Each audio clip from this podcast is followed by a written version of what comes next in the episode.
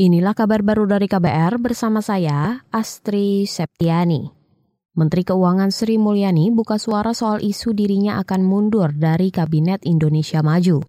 Bendahara negara itu mengatakan saat ini masih bekerja di pemerintahan. Pernyataan itu dia tegaskan usai mengikuti rapat dengan Presiden Joko Widodo di Istana Negara hari ini. Jelaskan bagi publik Bu. Mohon izin mas, mohon izin mas. Bekerja. Saya Mohon izin. Ya, Mohon izin. terima kasih ya. Itu tadi Menteri Keuangan Sri Mulyani. Isu Sri Mulyani mundur dari Kabinet Jokowi diungkap ekonom senior Indef Faisal Basri. Kata dia, ada belasan menteri dari non-partai maupun oposisi yang siap mundur karena menolak keberpihakan Presiden Joko Widodo pada pemilu 2024. Saudara beralih ke informasi lain. Sebagian kalangan ekonom mendorong pemerintah mengkaji ulang rencana kenaikan pajak motor bensin. Ekonom dari Pusat Reformasi Ekonomi KOR, Yusuf Randy Manilet menilai, pembenahan transportasi umum lebih efektif mengurangi polusi udara ketimbang menaikkan pajak. Dia mendorong pemerintah meningkatkan layanan transportasi umum hingga ke daerah-daerah.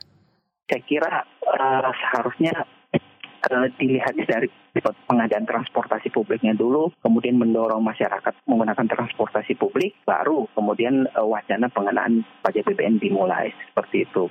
Ekonom dari KOR Yusuf Randy Manilet menilai, momentum menaikkan pajak motor bensin tidak tepat. Sebab saat ini daya beli masyarakat dari kelompok menengah ke bawah masih tertekan akibat krisis ekonomi.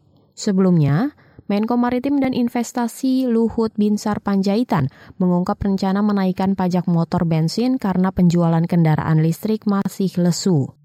Saudara bergeser ke Aceh.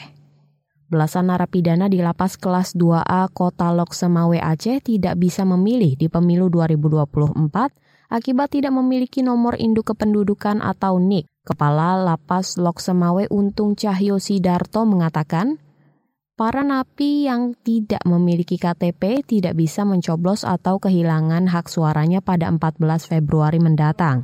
Kata dia, itu didasari kesepakatan antara Komisi Independen Pemilihan KIP dan Dinas Kependudukan dan Pencatatan Sipil Disduk Capil. tidak memiliki hak untuk memilih. Ada sekitar 11 orang, tidak ada NIK-nya, jadi tidak terdata dalam DPT-nya. Tidak tidak memiliki hak untuk memilih. Kepala Lapas Lok Semawe Untung Cahyo Sidarto menambahkan, ada dua tempat pemungutan suara atau TPS khusus di dalam rumah tahanan itu. Kata dia, sebanyak 320 napi sudah masuk daftar pemilih tetap atau DPT, sementara 285 orang lainnya masuk daftar pemilih tambahan. Demikian kabar baru dari KBR, saya Astri Septiani.